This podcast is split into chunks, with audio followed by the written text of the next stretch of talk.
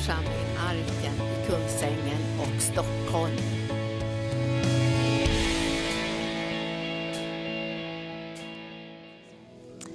Då predikar jag och sen så låter vi lovsångarna komma upp igen och då ska vi fortsätta utan avbrott och så ska vi gå in i Guds härlighet och dricka från Guds närvaro.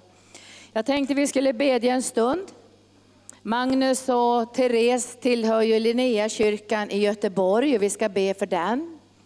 Carolina och Peter till, arbetar som pastorer i Södertälje i finska pingstkyrkan. Jag hörde när Magnus och Therese berättade att de var med i Linnékyrkan så då kom jag ju tillbaka i gamla minnen då.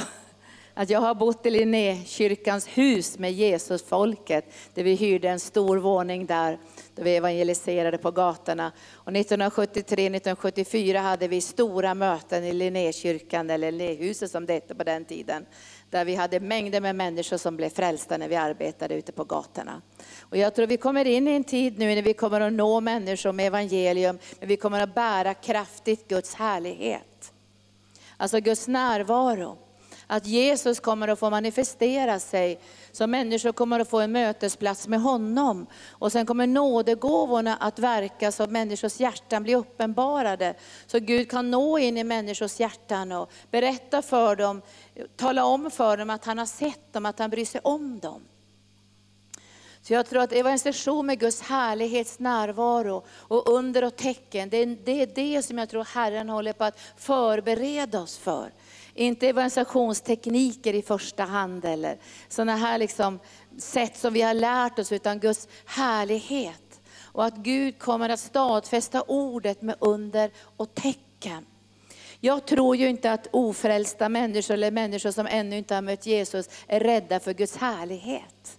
Jag hör ju det ibland av kollegor och så, vi ska vara försiktiga med tungotal och för mycket lovsång, för de som ännu inte tror kan bli rädda. Men om jag säger min vandring är att om inte Guds härlighet hade blivit uppenbarad så hade jag inte varit frälst idag. För jag kommer från den radikala vänsterrörelsen. Och jag skulle nog aldrig ha gått in i en kyrka ens. För jag åkte ut som volontär till Afrika när jag var 20-21 år. Och med Svenska Missionsförbundet som Eh, på den tiden så frågade de inte om man var frälst utan man hade ett ungdomsprogram. Men de visste ju inte att de skickade ut jättejobbiga ungdomar som bara ville gå på nattklubbar och röka och göra uppror. Så det var inte så roligt för dem. Men vi gjorde i alla fall en nyttig sak i Afrika. Biskopen sa, skicka aldrig ut okristna ungdomar. Så det här var ju slutet på det. Men när jag kom tillbaka var jag ännu mer alltså, aggressiv och negativ mot kristendom och mot kristna. Och jag tror att det var rent demoniskt på grund av mitt uppror. Så jag var otroligt så, så här, rastlös, orolig människa, engagerad i mängder med saker. Vietnam, Vietnamdemonstrationerna, miljörörelsen, allt möjligt i Uppsala. Och då mötte jag ju två unga män som strålade av Guds härlighet. Och ni har ju hört mitt vittnesbörd så jag ska inte fördjupa mig så mycket i det. Men jag tror att det var just härligheten som rörde vid mitt hjärta. För när jag var tillsammans med radikala vänsterungdomar så satsade de allt. Jag hade vänner som sålde allt vad de ägde för att kunna satsa in i vänsterrörelsen. Alltså de engagerade sig en dag och natt i miljöfrågorna. Så det här, jag, jag, jag ville ju ha det som var engagerat, det som var hängivet och helhjärtat. Alltså det drog mitt hjärta. Och när jag av en mirakulös dragning från Guds kallelse så vet ni att Gud, att Gud talade till mig utanför Mikaelskyrkan 1972. Att jag skulle gå in i kyrkan och värma fötterna. Jag var på väg in i en sån demonstrationsplanering för Vietnam. Hörde en röst som sa gå in och värm dina fötter. Kompisarna kom ju inte. Och jag väntade och väntade och stod och små, svor där ute i kylan. Och så hörde jag bara en röst som sa gå in och värm dina fötter. Tänk att Gud bryr sig om de ofrälsta. Jag tror att sen, sen Jesus dog på Golgata kors så är den heliga ande utgjuten på något sätt över alla ofrälsta. Eller man kan säga att han följer alla ofrälsta. Han är där för att arrangera mötesplatser. Och den heliga ande visste ju att där i Mikaelskyrkan satt det två Jesusfolk i den här stadskyrkan. Jag tror det var någon nattvardsgudstjänst för det måste ha varit någon onsdag eller torsdag det här. Och jag gick in och ställde mig längst bak och såg två killar som det lyste om. Alltså det strålade kring dem. Och det där triggar ju mig negativt. Så jag nästan började svära där inne, jag tänkte det här är bara idioter. Och satt så här med händerna upplyfta. Så jag, det här har, de, har jag skrivit i min biografi, för jag kommer inte ihåg det, de har sagt det till mig. Jag kommer inte ihåg att jag var så otrevlig. Jag gick fram till dem, de satt ganska långt bak och sa, varför sitter ni här och fångar flugor? Jätteotrevlig var jag. Men jag, det var någonting som slog an, det var Guds härlighet. Och de sa ju, stanna kvar ska vi berätta vad han har gjort i våra liv. Och det här var bara, det var två unga män som hade blivit totalt förvandlade. En hade varit narkoman och en hade vuxit upp i ett kristet hem. Men när de berättade, Alltså det vill säga, när de berättade om Jesus så var det inte bara ett stereotyp vittnesbörd, utan den heliga ande målade med en jättepensel Jesus. Alltså jag såg Jesus som ofrälst. Och jag visste i ett ögonblick, det här var liv eller död. Och det, det, slog så in i mitt hjärta så jag protesterade och jag, jag visste inte om jag skulle gråta eller svära. Jag gjorde de sakerna samtidigt, men gråten syntes inte. Och jag bröt upp från de där killarna, jag var helt uppskakad. Jag kom inte med på den där demonstrationsgrejen, jag bara gick hem, jag var helt uppskakad. Och jag fick få bort den där känslan, ni vet, när det slog an. Och Bibeln talar med ett styng i hjärtat. Och, och anden bara fortsatte att verka, jag visste inte vad det var, jag hade aldrig läst Bibeln. Jag kunde inte koppla till några bibelord eller så. Och sen var jag där hemma, det gick några dagar och så ringde de här killarna och sa, vi hämtar om tio minuter, vi ska till Stockholm på en bönegrupp. Jag, hade aldrig hört, jag var ju all, I Afrika träffade jag var ju aldrig med missionärerna, vi levde bara i upprorsgrejer där. Så de tog med mig till Stockholm. Och det var en liten bönegrupp hemma hos en, en docent som hette Gösta Höök och det var precis när Jesusrörelsen bröt fram och karismatiska väckelsen. Och vi var kanske 30-40 stycken och jag bråkade ju halva kvällen om Bangladeshkrisen tror jag det var och ville diskutera politik. Men de var jättejobbiga. För när jag började diskutera aggressivt så sa de Jesus älskar dig. De var så jätte de var så jobbiga. För jag försökte få igång en bra debatt och sa Jesus älskar dig. Och de bara lyssnade på mig, det var bara Jesus älskar dig. Inga debatter om något Vietnamkrig eller något, det var bara Jesus älskar dig. Och sen sa de, nu Linda har vi lyssnat på dig och du har fått prata om dina kriser i världen och miljörörelsen och allt vad det är. Men nu ska vi älska Jesus en stund. Och då började de sjunga, först bara en enkel, enkel lovsång. Jag kan komma ihåg de här lovsångerna än. Alltså enkla, enkla, enkla lovsånger. Och, och spela på gitarr och sen tittade jag på ansiktena. Det var samma strålglans som i Mikaelskyrkan. Men nu rann tårarna också. Och sen så började de sjunga i anden. De sa ingenting till mig att nu ska vi sjunga i anden och förklara vad vi gör och så. Utan de bara sjöng i anden. Och det kom en sån härlighet. Så jag som aldrig hade hört tungotal, aldrig varit i sån miljö på det sättet. Alltså jag tänkte, vem är det som dirigerar? Det var min första tanke. Vem dirigerar detta? Och jag hade inte hört någonting om änglar, men jag fick en känsla, det måste vara änglar här. Alltså det var så, det var så kompakt. Och jag såg ansikten och jag tänkte, jag, jag vill se Guds härlighet i människors ansikten. Därför älskar jag lovsång. Alltså riktig lovsång. Och det behöver inte vara jätteprofessionellt och allt det här, men det ska vara hjärtats hängivenhet till Gud. I den där lilla bönegruppen en enkel gitarr. Och då hörde jag Guds röst igen.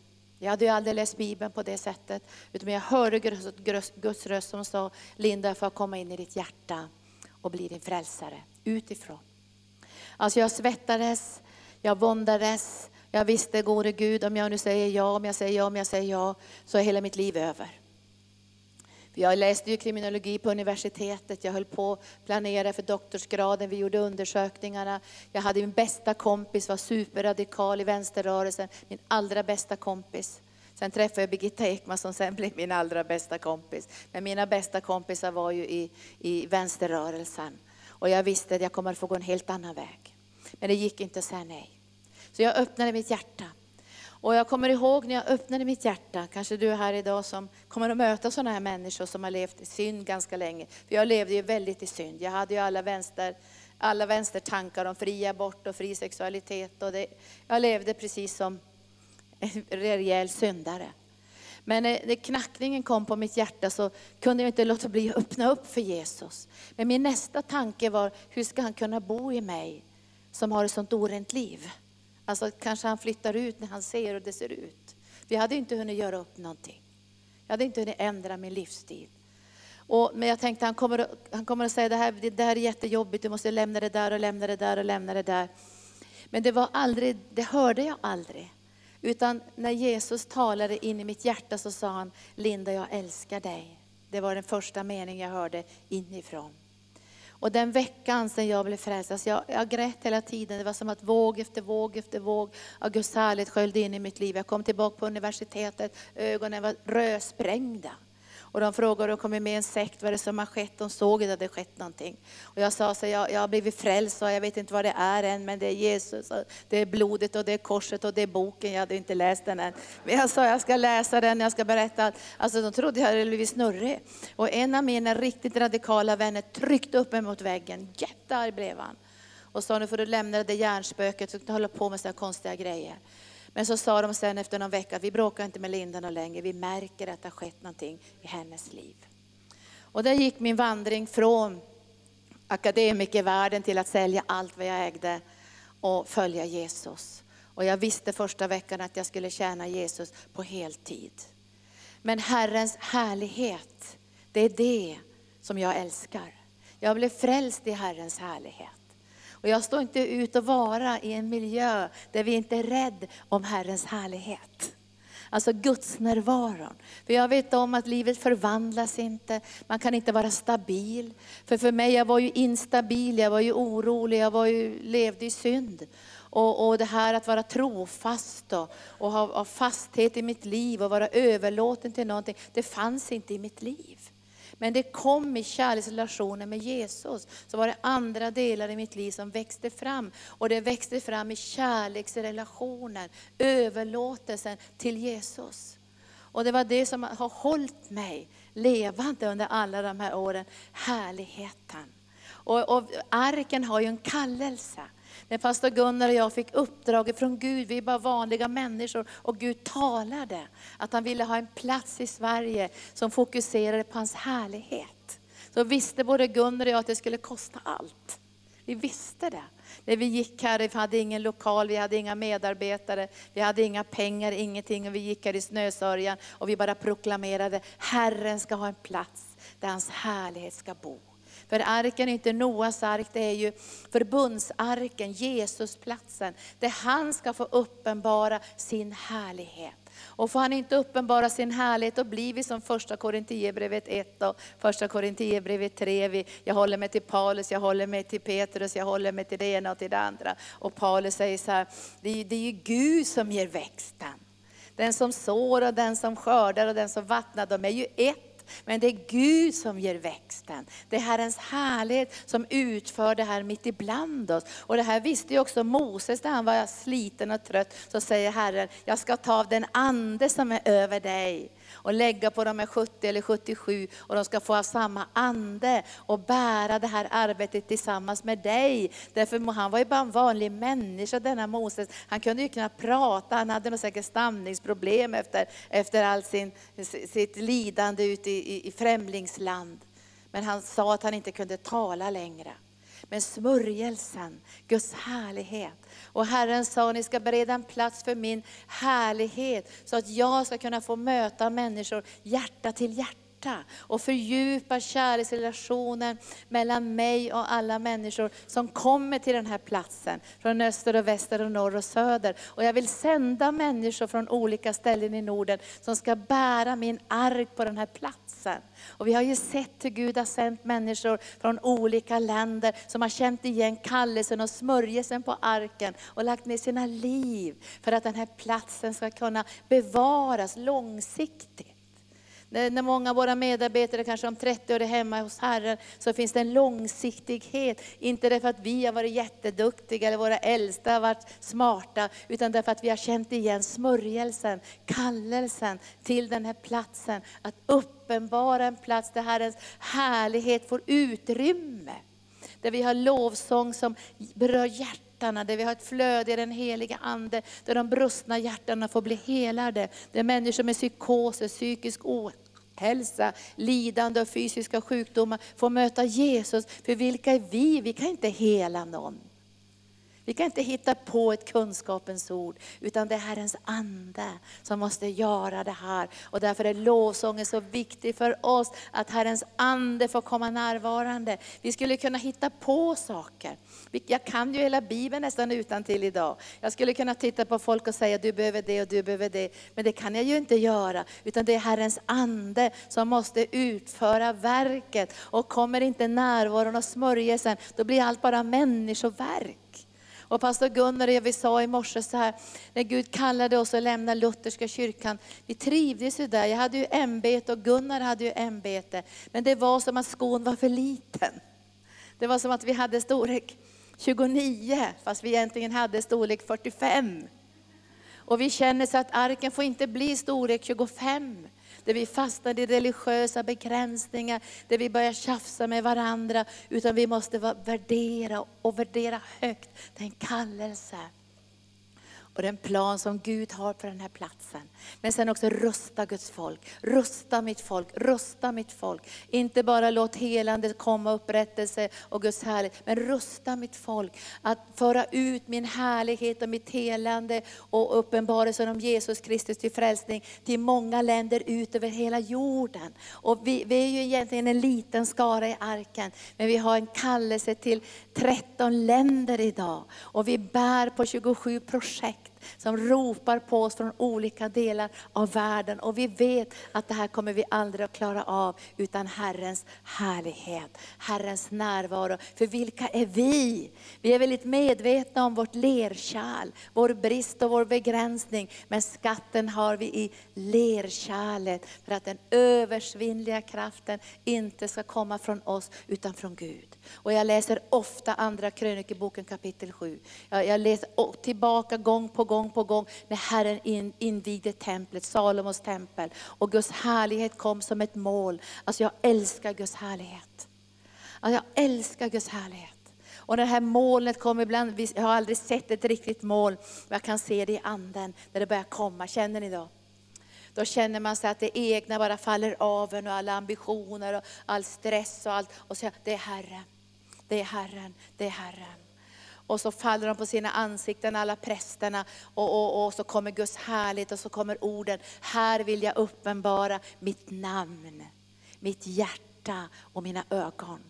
Och jag tänker varje dag på människor med cancer, människor som är döende, människor som lider, schizofreni, psykisk ohälsa. Hans namn måste uppenbaras som är över alla andra namn. Över alla blodtryckssjukdomar, hjärtsjukdomar, all fibromyalgi, all psykisk ohälsa. All namnet Jesus, han ska uppenbara sitt sköna, vackra namn och alla sjukdomar ska böja sig.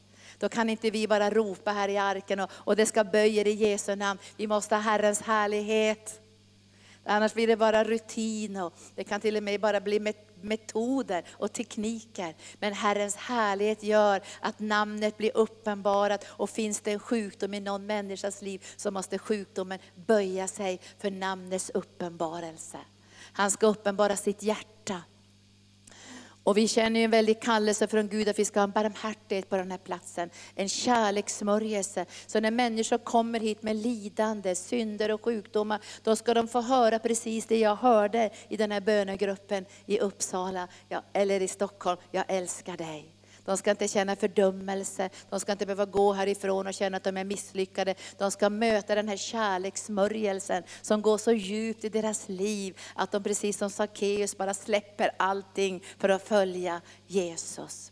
Han ska uppenbara också sina ögon, det profetiska, hur Gud ser på oss. Och det här känner vi är viktigt i arken, för vi kallar på de ting som inte finns så som de fanns, men vi måste se det. Vi får inte se varandra bara på ett naturligt sätt. Vi måste se varandra i anden. Vad Gud har för tankar och planer om människors liv. Och det går inte utan den heliga Ande. Vi måste få Guds ögon. Så vi också får respekt och kärlek till människor, så vi kan kalla på det osynliga in i det synliga. Och därför behöver vi Herrens härlighet. Annars kommer vi bara titta på varandra och säga, är du akademiker, vad har du för gåvor, hur duktig är du på det här? Vi söker inte efter det, vi söker efter en övernaturlig smörjelse i den heliga Ande och en kallelse från Gud i varje människas liv. Vad fanns det i arken?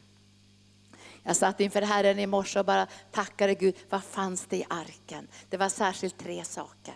Sen fanns ju den sjuarmade ljusstaken och, och rökelsealtaret och rökelsekaret fanns ju lite utanför det allra heligaste och tillhörde det allra heligaste. Men i det allra heligaste fanns ju förbundsarken, nådastolen, Guds härlighet. Tänk att det, förlåten är brusten. Och vi kan alla gå in i Herrens härlighet och se honom ansikte till ansikte. Vad fanns i arken? Där fanns Arons stav som blomstrade och hade knoppar och fullmogna mandlar. Varför låg Arons stav där i arken? Därför Gud vill säga, det här är en övernaturlig smörjelse. Vi kan inte göra det här i naturlig kraft. Och de tjatade ju i gamla testamentet om vem skulle få göra vad och de krigade med varandra och det var rätt mycket uppror. Det har vi inte i arken, vi ska ha Guds härlighet.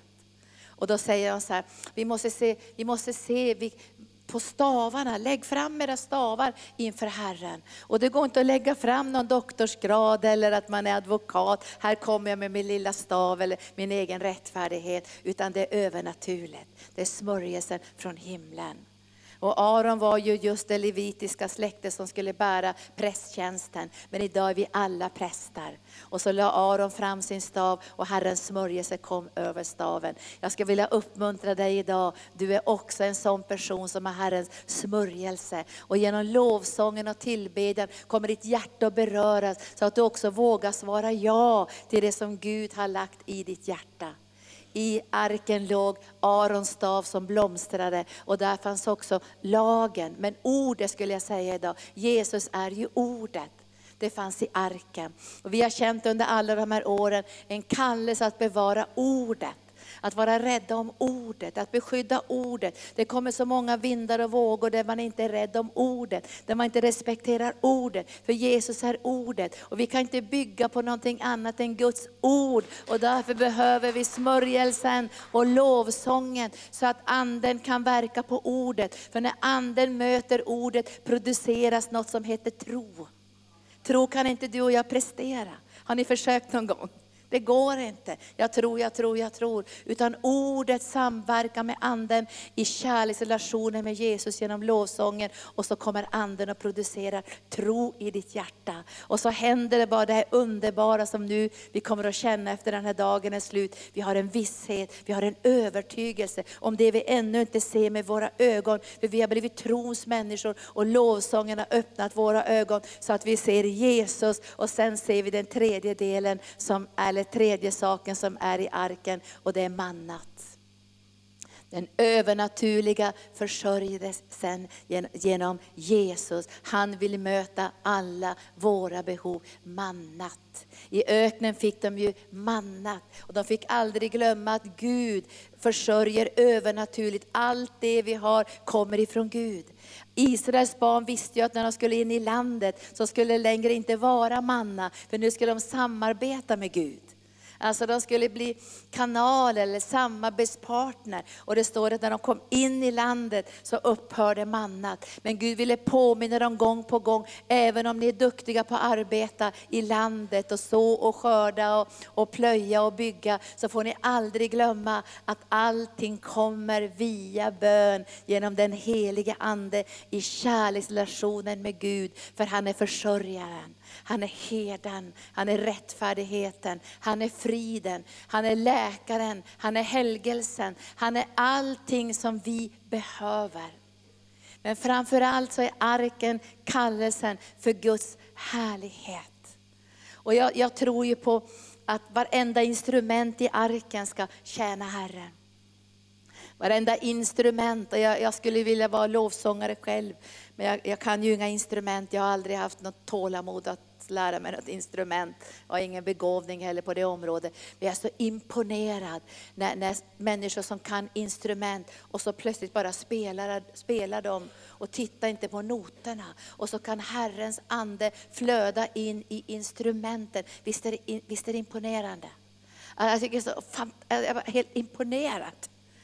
Och att det här flödet kommer och de som ännu inte kanske kan spela utan att titta på noterna, de får bara hänga på och bara gå in i en dimension och så kan vi hjälpa varandra.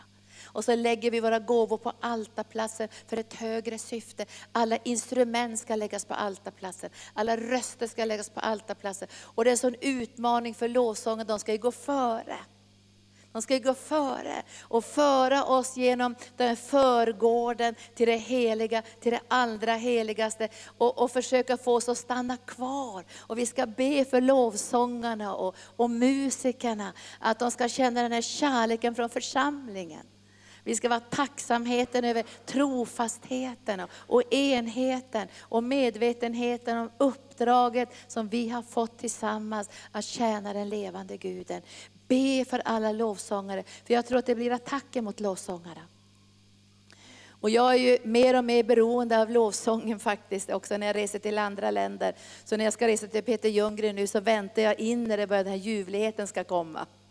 Så jag går upp på plattformen och så börjar jag sjunga i anden. Och så drar jag med mig lovsångarna i mer en stilla, ljuvlig lovsång. För jag kan inte flöda helande smörjelsen om den inte kommer. Jag måste ha den. Och jag står ju ibland där länge och väntar och väntar och väntar så känner jag, nu kommer den. Nu kommer det, så kan man flöda ut i Andens nådegåvor och då blir människor mötta på djupet. Be för lovsångarna. För ibland när det är strid också i arken måste vi skicka ut lovsångarna först. De ska dra ner Herrens härlighet.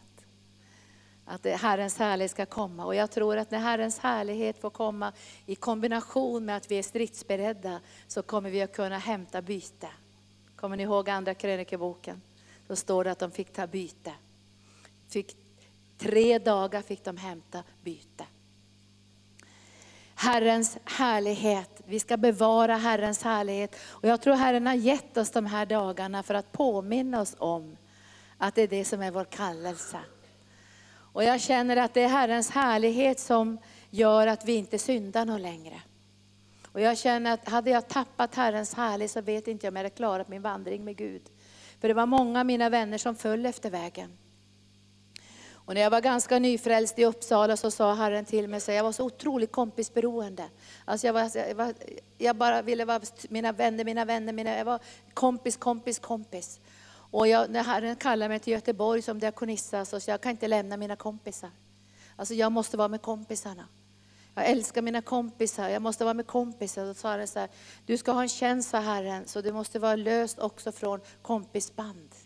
Du ska få kompisar, sa han, du ska få vänner, men du ska kopplas till visionen och uppdraget som jag har lagt i ditt hjärta. Och då, då får du inte vara bunden till, till de här biologiska och mänskliga banden, du måste ha ett större band. Och jag tyckte det var lite jobbigt, men så ledde han mig till apostlagärningarna. Paulus säger så här, såra inte mitt hjärta. För jag är inte bara beredd att lida för det här namnets skull, jag är beredd att dö för Jesus Kristus. För jag är bunden i anden. Och det finns ett band som blir djupare i kärleksrelationen som jag tror kommer genom tillbedjan. Men det kommer också ett band som kommer till det vi gör tillsammans. Och jag tror att lovsången är viktig individuell, men lovsången är också viktig kollektiv för att koppla ihop oss så vi värderar och uppskattar det som Gud har gett oss att förvalta. Och nu är det en del som är gäster här också. Jag känner att vi älskar ju alla gäster som går med för arken ska vara en plats för, för Kristi kropp också. Det är, en, det är en nordisk plats också för Kristi kropp. Att du ska få ta hem någonting av den här härligheten. Och när jag var diakonissa eh, under många år så var det ju Luthers gudstjänst som inte hade det här som vi har här. Jag bara älskar det här. Men vet ni vad jag gjorde? Jag hade ju ofta min svarta diakonistklänning och jag stod ofta längst fram i kyrkan. Så jag gjorde helt enkelt så här, jag slöt mina ögon och så gjorde jag med en bild att alla dansar i anden. Och så brukar jag hoppa så lite grann, så här, när det var en sån mer glad psalm så bara dansade jag i anden. Och jag bara längtade, längtade, längtade. Och det vi har här av fri lovsång och flöde, uppskattar det.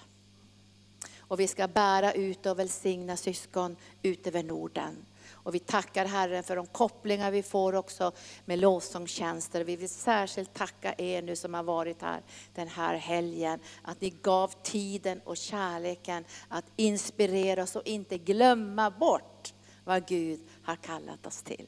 Så varsågoda, inta plattformen så ska vi gå ut i ett flöde nu.